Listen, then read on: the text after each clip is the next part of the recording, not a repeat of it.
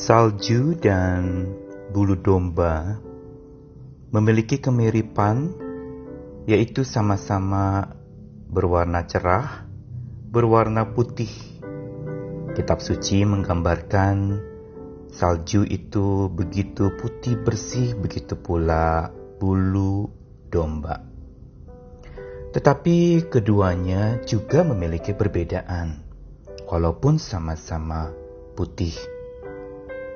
Salju tentu saja kita tahu itu adalah tanda musim dingin tiba. Salju begitu dingin, bahkan banyak orang menghindari badai salju karena dinginnya bisa mematikan. Namun sebaliknya bulu domba justru menghangatkan. Dari bulu domba terkenal kain wol yang dibuat untuk menghangatkan tubuh. Dan kain wol dari bulu domba itu mempunyai faktor adaptasi yang sangat baik. Dia bisa menghangatkan, tapi sekaligus juga bisa tetap menyejukkan. Salju dan bulu domba Keduanya digambarkan di dalam kitab suci menjadi lambang kesucian. Tetapi bagaimana bila salju turun seperti bulu domba? Tentu saja ini menjadi sesuatu yang unik pula. Bagaimana mungkin yang dingin turun lalu kemudian menjadi hangat? Saya Nikolas Kurniawan menemani di dalam Sabda Tuhan Hari ini bagian akhir dari Mazmur Haleluya, Mazmur 147, ayat yang ke-15 sampai yang ke-20. Ia menyampaikan perintahnya ke bumi. Dengan segera firmannya berlari. Ia menurunkan salju seperti bulu domba dan menghamburkan embun beku seperti abu ia melemparkan air batu seperti pecahan-pecahan. Siapakah yang tahan berdiri menghadapi dinginnya? Ia menyampaikan firman-Nya, lalu mencairkan semuanya. Ia meniupkan anginnya, maka air mengalir. Ia memberitakan firman-Nya kepada Yakub, ketetapan-ketetapannya dan hukum-hukumnya kepada Israel ia tidak berbuat demikian kepada segala bangsa, dan hukum-hukumnya tidak mereka kenal. Haleluya! Sedemikian jauh pembacaan kita dari Mazmur 147 dari ayat yang pertama sampai ke-14 kita melihat kekayaan yang luar biasa dari puji-pujian, begitu pula dari tindakan memuji Tuhan. Dan pemazmur menutup Mazmur Haleluya ini dengan memberitahukan kepada kita mengenai kaitan yang sangat erat dan tak terpisahkan antara puji-pujian kepada Tuhan dan sabda Tuhan yang berkuasa. Setelah dengan panjang lebar pemazmur menggambarkan alasan-alasan memuji itu begitu banyak karena Tuhan yang membangun hubungan dengan manusia, kita juga membangun hubungan dengan Tuhan.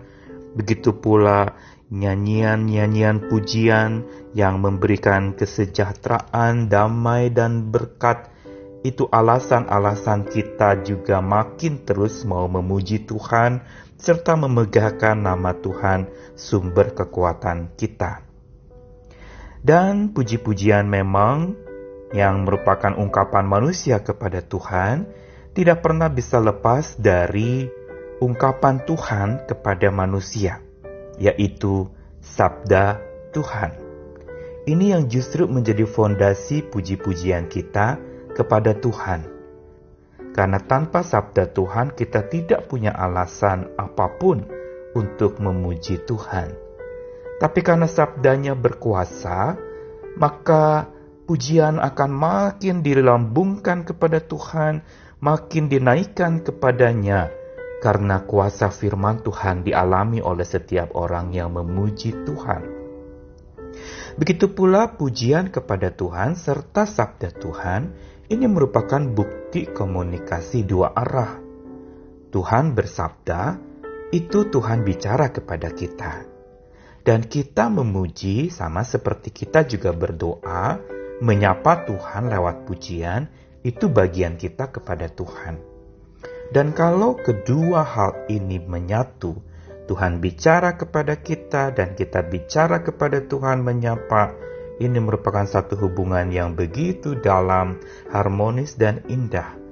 Ada percakapan yang dalam dia menyapa, kita menyapa.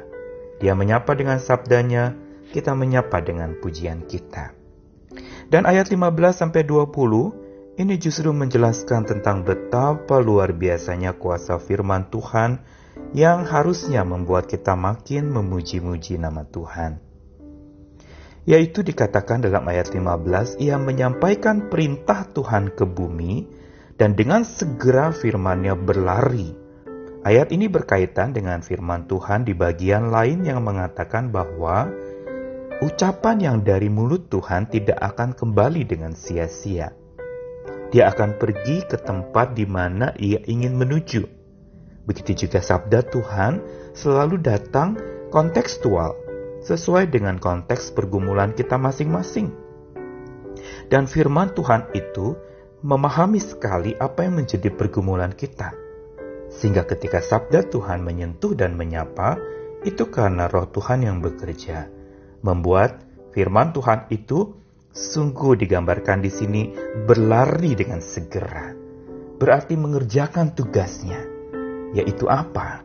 Ayat yang ke-16, ia menurunkan salju seperti bulu domba dan menghamburkan embun beku seperti abu.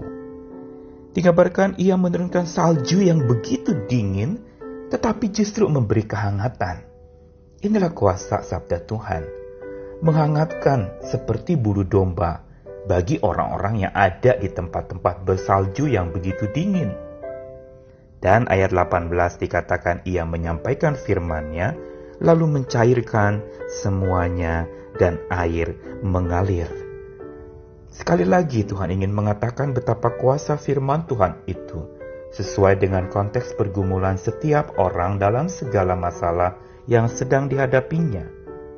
Sehingga ketika firman Tuhan itu disampaikan, dia bukan saja menghangatkan, tapi dia juga mencairkan sesuatu yang beku. Mungkin hari ini hati kita sedang beku, sedang ditimpa oleh kebekuan akan dinginnya pergumulan kita yang membuat kita menjadi beku tidak bisa berbuat apa-apa. Gambaran beku itu menunjukkan satu posisi yang tak dapat bergerak, tidak berdaya, atau belenggu. Dan sabda Tuhan itu mencairkan yang beku serta membebaskan yang terbelenggu. Ia membebaskan membuat air itu mengalir. Tadinya beku dia lalu dibebaskan menjadi aliran-aliran yang menyukakan aliran-aliran yang menyejukkan, aliran-aliran yang memberikan satu kelegaan, kesejukan yang menenangkan kita. Air yang bukan menghanyutkan tetapi menenangkan hati. Dan inilah kuasa sabda Tuhan. Karenanya hari ini kalau masih ada orang percaya yang tidak hidup dari firman Tuhan, bahkan tidak menyukai mendengarkan firman Tuhan, hati-hatilah Mengapa menjadi orang percaya bila tidak mau percaya kepada firman Tuhan? Karena tanpa firman-Nya, tanpa sabdanya, kita tidak dapat melakukan apa yang Tuhan mau, dan kita tidak akan memperoleh ketenangan. Tuhan senantiasa menyapa kita, karena Dia mencintai kita. Karena itu kita juga jangan henti menyapa Dia dengan pujian kita, dengan doa kita. Karena itu bukti cinta kita kepadanya. Tuhan menyapa bukti cintanya pada kita, kita memuji bukti cinta kita kepadanya. Karena itu janganlah berhenti menyapa dia dengan puji-pujian dan doa kita, naikkanlah terus sepanjang hidupmu, agar sungguh kita makin mengalami dekatnya hubungan dengan Tuhan, dan kasihnya selalu menyapa kita lewat sabdanya. Selamat menyapa, karena Tuhan selalu menyapa. Amin.